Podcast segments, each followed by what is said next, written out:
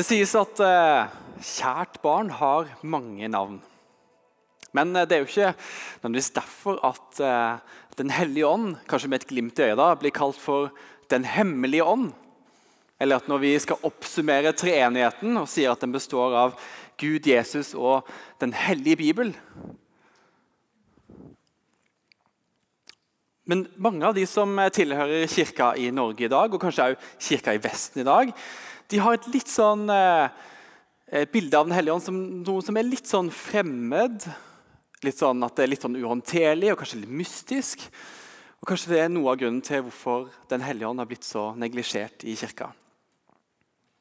Og det er jo eh, eh er jo sånn at Mange av oss ikke engang er trygge på å be til Den hellige ånd. At det er såpass eh, fremmed.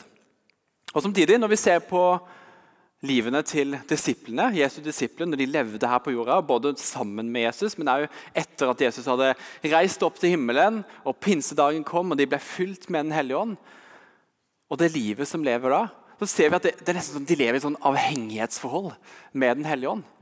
Ja, Det er nesten umulig å lese i Bibelen fra pinsedagen og det som skjer videre, uten å se det i lys og kraft av Den hellige ånds arbeid. Og Her kan vi til og med lese at det skjedde en del ting som jeg tror Hvis det hadde skjedd i den vestlige kirka i dag, så hadde mange av oss opplevd det ganske sånn støtende. Det er jo litt utrolig at eh, det som vi kan lese om i Bibelen, Guds eget ord, at det, det plasserer vi til kun å handle om det som skjedde i den tida der. Framfor å tenke at det kan skje i dag òg. Det er som jeg tenker på eh, han eh, lokale predikanten som, eh, som syntes det var litt vanskelig å forholde seg til, til, at Jesus gjorde vann om til vin. Så han, han uttalte om den historien så sa han at ja, vi vet at det står der, men vi liker det ikke. Og Sånn var det kanskje litt for min egen del når jeg eh, tok et standpunkt å tro på Jesus i tenårene og begynte å utforske mer om hva er det den kristne tro egentlig innebærer. Hva, hva handler tro om? Hva er det egentlig jeg har sagt ja til? Og Jeg fikk ganske raskt en sånn stor kjærlighet til Jesus når jeg leste om, om han i Bibelen og jeg leste andre bøker som forklarte mer om hvem Jesus var. Og Det hjalp meg å ta imot hans kjærlighet. Og faktisk så ble jeg så glad i Jesus, og hans kjærlighet forandra meg fra innsida og utover. Og Etter hvert så begynte jeg å elske meg sjøl og tilgi meg sjøl. Og jeg begynte å elske andre mennesker og tilgi andre mennesker. Selv de som jeg hadde opplevd hadde gjort vondt mot meg. Og I denne nyoppdagelsesfasen av hvem Jesus faktisk var, og i min søken etter å forstå og ta imot mer av hans kjærlighet, så vokste det fram en sånn dyp lengsel i meg etter at å, vet du hva? Jeg, jeg, vil, jeg, vil, gi hele livet mitt til du, Gud. Jeg vil overgi livet mitt til du. Og Det var en sånn bønn som gikk i, i, i hodet mitt. Jeg vil bare gjøre det du vil jeg skal gjøre. Jeg vil bare si det du vil jeg skal si. Og denne Bønnen og denne lengselen bare eskalerte særlig over en sånn ukes eh, tid. Og så, kom vi på et, eh, så var jeg på et sånt bønnemøte som var litt sånn eh, traust. og Vi bøyde hodet og folda hendene. og sånne ting. Og så skjer det som har forandra mitt liv totalt. Og Det kom en sånn overstrømmende kraft som skylte gjennom kroppen min, bølga opp og ned. Og jeg hadde ikke hørt nesten snakke om Den hellige ånd. Det var ingen, ingen sånn massesuggesjon her. for det, Jeg hadde ikke noen bilder av at dette her kunne skje. i det hele tatt. Dette her var så fremmed for meg. Og Jeg ble så overvelda at jeg, jeg, løp ut fra dette stedet og, og inn i skogen og, og, begynte bare å snakke med Gud. Hva er det som skjer for noe? Og takke han for det han gjorde. Fordi det jeg opplevde, det var en sånn kjærlighet og en glede og en kraft som, som jeg ikke klarer å, å beskrive. Og opplevde meg så sett av Gud. Og Den opplevelsen med Den hellige ånd har forma meg så dypt og på en sånn måte at, eh, at jeg kjenner bare, jeg er så takknemlig for å leve sammen med Den hellige ånd. Jeg er så takknemlig for at kristenlivet er et liv sammen med Den hellige ånd. I Impulspoddens siste episode så kan vi høre om Tor Håvik. Eh, han deler da litt om sin vandring med Gud. Eh, og Tor han har vært med på Farmen, Og han òg er prest. Og han har tatt Norge med storm. for Jeg leste nylig at eh, i eh, Gullruten så var han altså nominert som årets deltaker. Gullruten er en sånn eh, prisutdeling for TV. Og Han forteller da i Impulspodden at eh, han eh, hadde en sånn krise som tenåring. Eh, og Så gikk han inn på rommet og så ba han til Gud og sa at hvis du finnes, Gud, så vil jeg gå 100% for du. Og så skjer dette her, da. Eller jeg sa jo Gud, unnskyld for at jeg går opp min egen vei. Hvis du finnes Gud, så skal jeg gå 100 for du. Måtte si det riktig. Ja.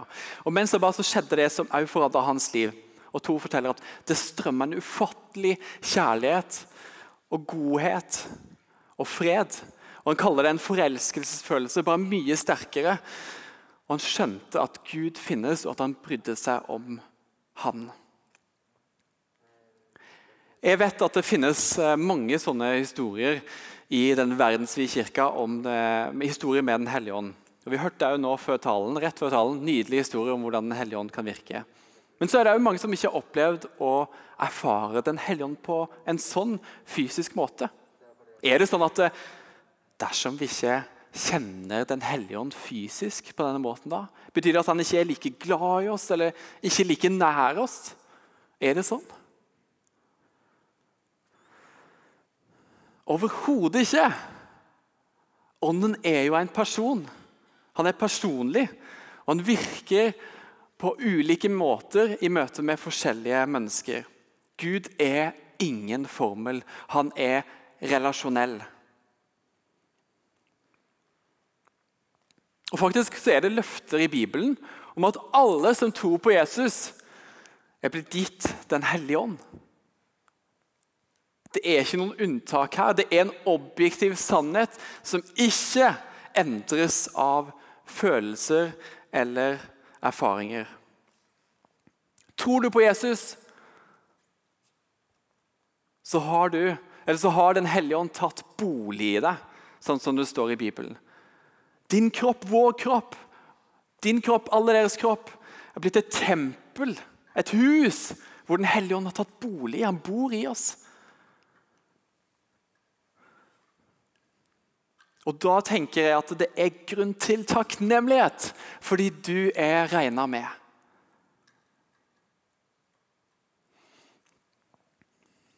Og Samtidig som vi vet det, at Den hellige ånd har tatt bolig i oss, så kan vi tenke litt sånn Ja, men er ikke det fint, da?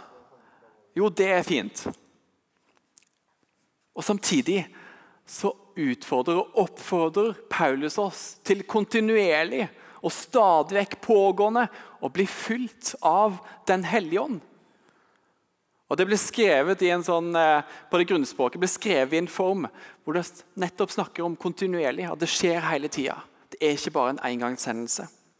Så ja, han har allerede tatt bolig i oss, men vi kan stadig vekk bli mer fylt av Den hellige ånd. Det er som om ja, det er tent en flamme inni oss, men vi kan stadig legge mer ved på det bålet. Eller helle mer bensin på det bålet, om du vil. Og ja, Det er ikke et helt sånn fullstendig bilde, men, men bli med meg på tankerekken. Ja, men så er spørsmålet da, ok, men Hvis jeg har fått Den hellige ånd, han har tatt bolig i meg, hvorfor er det da så viktig at jeg stadig vekk skal bli fylt med Den hellige ånd? Er det ikke nok da med den ene gangen? Hvis den egentlig gjelder hele tida?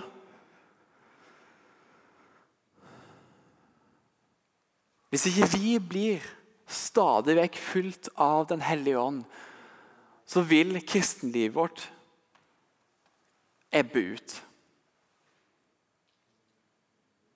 Livet som etterfølger av Jesus kan da fort bli et mas hvor vi fokuserer på å prestere mer og mer for å være gode nok eller få til dette kristenlivet. Prestere i egen kraft, når vi egentlig skal få kraften fra det høye.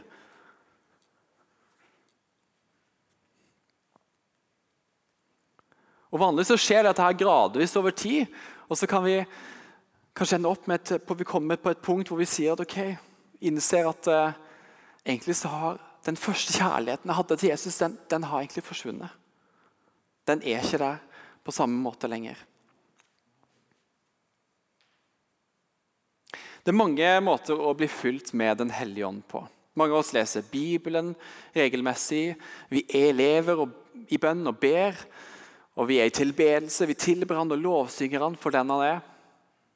Og vi har samtaler om tro, enten det er i huskirke eller andre relasjoner vi måtte ha. Så bygger det opp troa vår, og vi blir fylt med Den hellige ånd. Men i dag så har jeg lyst til å gå litt dypere enn bare disse her praktiske anvendelsene, som definitivt òg er veldig viktige. Dersom du eh, henger med på å lese Bibelen på ett år, så kunne du lese forrige uke i en av andaktene at eh, det var en fortelling om, eh, eller en historie om Sandy Miller, som er anglikansk biskop. Og han var på en konferanse hvor det skjedde så mye flott, og Den hellige ånd virka på en mektig måte. Han, han, ble fulgt av undring, og han, han gikk en sånn lang tur langs sjøen og bare snakka med Gud. og så så vokste det fram denne her bønnen om at vet du hva Jeg vil gi deg alt. Jeg vil, jeg vil gjøre alt det du sier jeg skal gjøre. Jeg vil gjøre alt det du sier jeg skal gjøre. Og Så forteller Sandy da at dette her er den gangen hvor han har tydeligst hørt Guds stemme ikke så mange ganger han sier han har hørt det så, så tydelig, og dette er absolutt den tydeligste gangen. Og da svarer Den hellige ånd med disse ordene. All I want is you. Og Da er det fristende å begynne å synge sånn All I want for Men det er jo ikke bare jula, ikke sant? Det gjelder alle dager. Så er det en sånn lengsel i Den hellige ånd etter oss.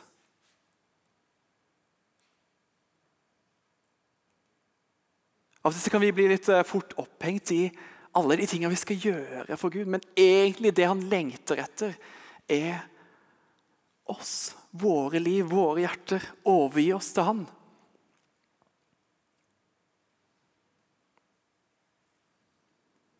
Og Jeg har fortalt eh, tre historier både fra mitt eget liv, og fra Tor Håvik og fra Sandy Miller. Og Hva, hva, liksom er, hva er fellesnevneren her? Da jeg tenkte på disse tre historiene, tenkte jeg at det, det er overgivelse.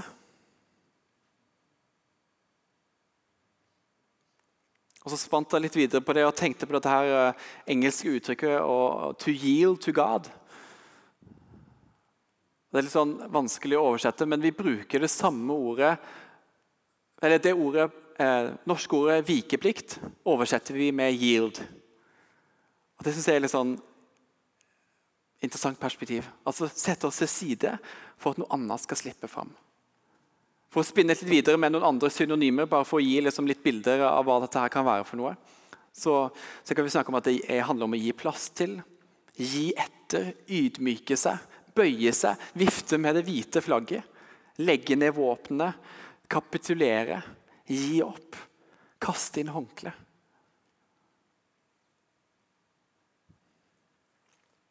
Jeg tror at er det noe som tiltrekker Den hellige ånd, og som gir han det rommet til å fylle oss opp med han, igjen og igjen, så er det dette her ene. Så enkelt og så kostbart. Og Vi kan lese det gjennom hele Bibelen på forskjellige måter, i forskjellige fortellinger og historier. og Helt konkret også i 1. Peter 5,5, hvor vi kan lese at eh, Gud står de stolte imot, men de ydmyke gir han nåde. Så ydmyk dere da under Guds mektige hånd, så han kan opphøye dere når tiden kommer. Så kan vi høre dette her og så begynne å tenke på innvendingene vi måtte ha, ha imot dette. her, ja, men vet du hva, det er greit det er ydmyke seg, men jeg syns det er ganske vanskelig, for det er ganske mye jeg ikke forstår. Jeg syns det er vanskelig å stole på deg, Gud.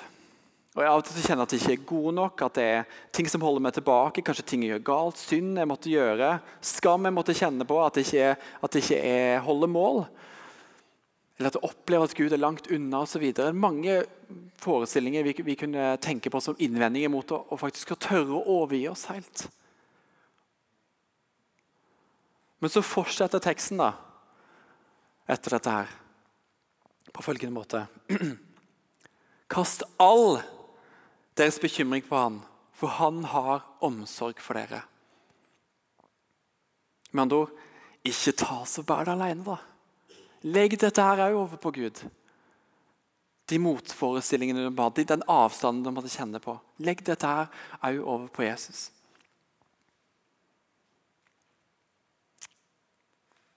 Og På samme måte som vi har fått Den hellige ånd, men stadig vekk kan bli fylt med Den hellige ånd, sånn er det òg i forhold til dette med overgivelse. Kanskje du en eller annen gang i livet har tatt det der standpunktet om å tro på Jesus og overgi livet til han. Legge livet i hans hender, om du vil. Og Samtidig er det en sånn stadig invitasjon til å overgi mer av våre liv, mer av våre hjerter, i hans hender.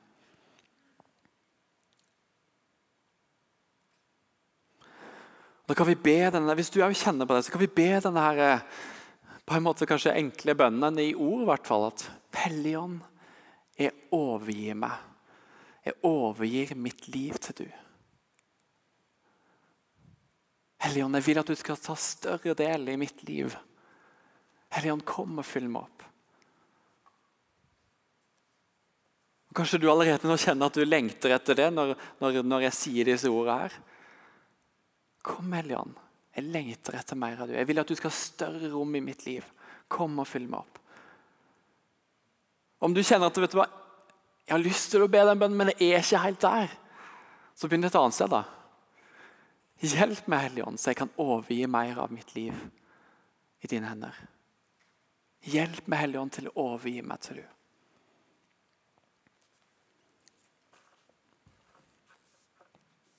Og jeg tror at Gjør vi dette her, og lever vi i denne bønnen her, så vil vi oppleve at vi gir Den hellige ånd rom til å fylle oss opp på ny og på ny og på ny og på ny. Og Jeg tror at det vil forandre oss, som vi har hørt mange historier allerede i dag. Å bli fylt med Den hellige ånd, det forandrer oss. Og jeg tror at fra våre liv som kristne så vil det renne elver av levende vann.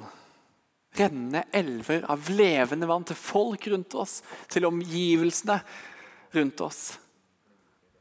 Akkurat sånn som Jesus sier i Johannes 7. Og Det er et sånn overskudd i dette. her. Det er liv og overflod. Det er ikke bare akkurat nok. Det vil renne elver av levende vann. Og Kanskje du er litt sånn som eh, at du tenker at eh, Kanskje det er litt for seint å koble seg på denne her kilden. her. Ja, men Da kan du gjøre sånn som den samaritanske kvinnen. Spørre Jesus selv hvor er dette her levende vannet. da? Hvor er dette her levende vannet som du snakker om? Hvor finner jeg det henne? Og Da kan òg Jesus svare du at den som drikker av det vannet jeg vil gi, skal aldri mer tørste. For det vannet jeg vil gi, blir i du en kilde med vann som veller fram og gir evig liv. Vi skal aldri gå tørre. Det er en kilde med vann som veller fram og gir evig liv. Så spør Jesus, og han vil gi deg det. Spør Jesus om å fylle deg med sin ånd, og han vil gjøre det.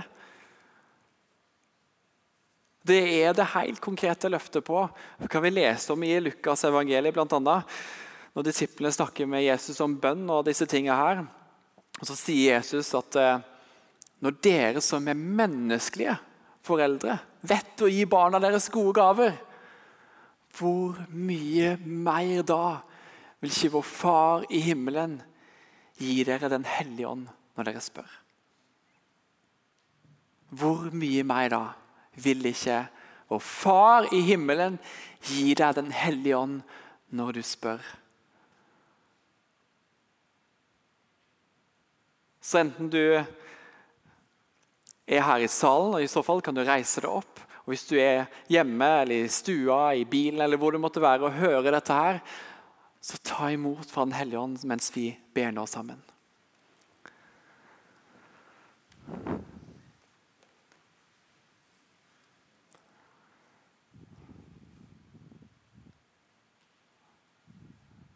Gode far, vi takker deg for at du har sendt Jesus ned til jorda og vist oss hvordan vi kan leve i relasjon med Den hellige ånd. Men takk òg for at du har sendt Den hellige ånd til oss. At han får fylle oss opp og ta bolig i oss og bo i oss uansett. Og så takker vi deg for at vi stadig vekk kan bli fylt med Den hellige ånd. Vi takker for at vi kan leve i denne bønnen her, at kom og fyll meg opp, Hellige ånd. Denne bønnen jeg ber mest i mitt liv. Kom og fyll meg opp, Hellige ånd. Fyll meg opp, Hellige ånd. Vi vil ikke gå glipp av å bli fylt opp med Den hellige ånd. Og vi vet at overgivelse tiltrekker deg, Hellige ånd. Så nå sier vi, vet du hva? Herre, vi overgir våre liv i dine hender. På ny og på ny. Vi setter våre liv til side for å slippe du fram. For å slippe du inn.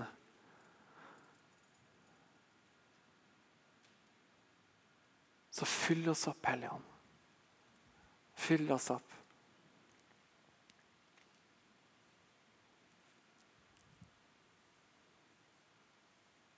La det bare være litt stille, så kan du, der hvor du er, si med dine egne ord det du ønsker å si til Den hellige ånd.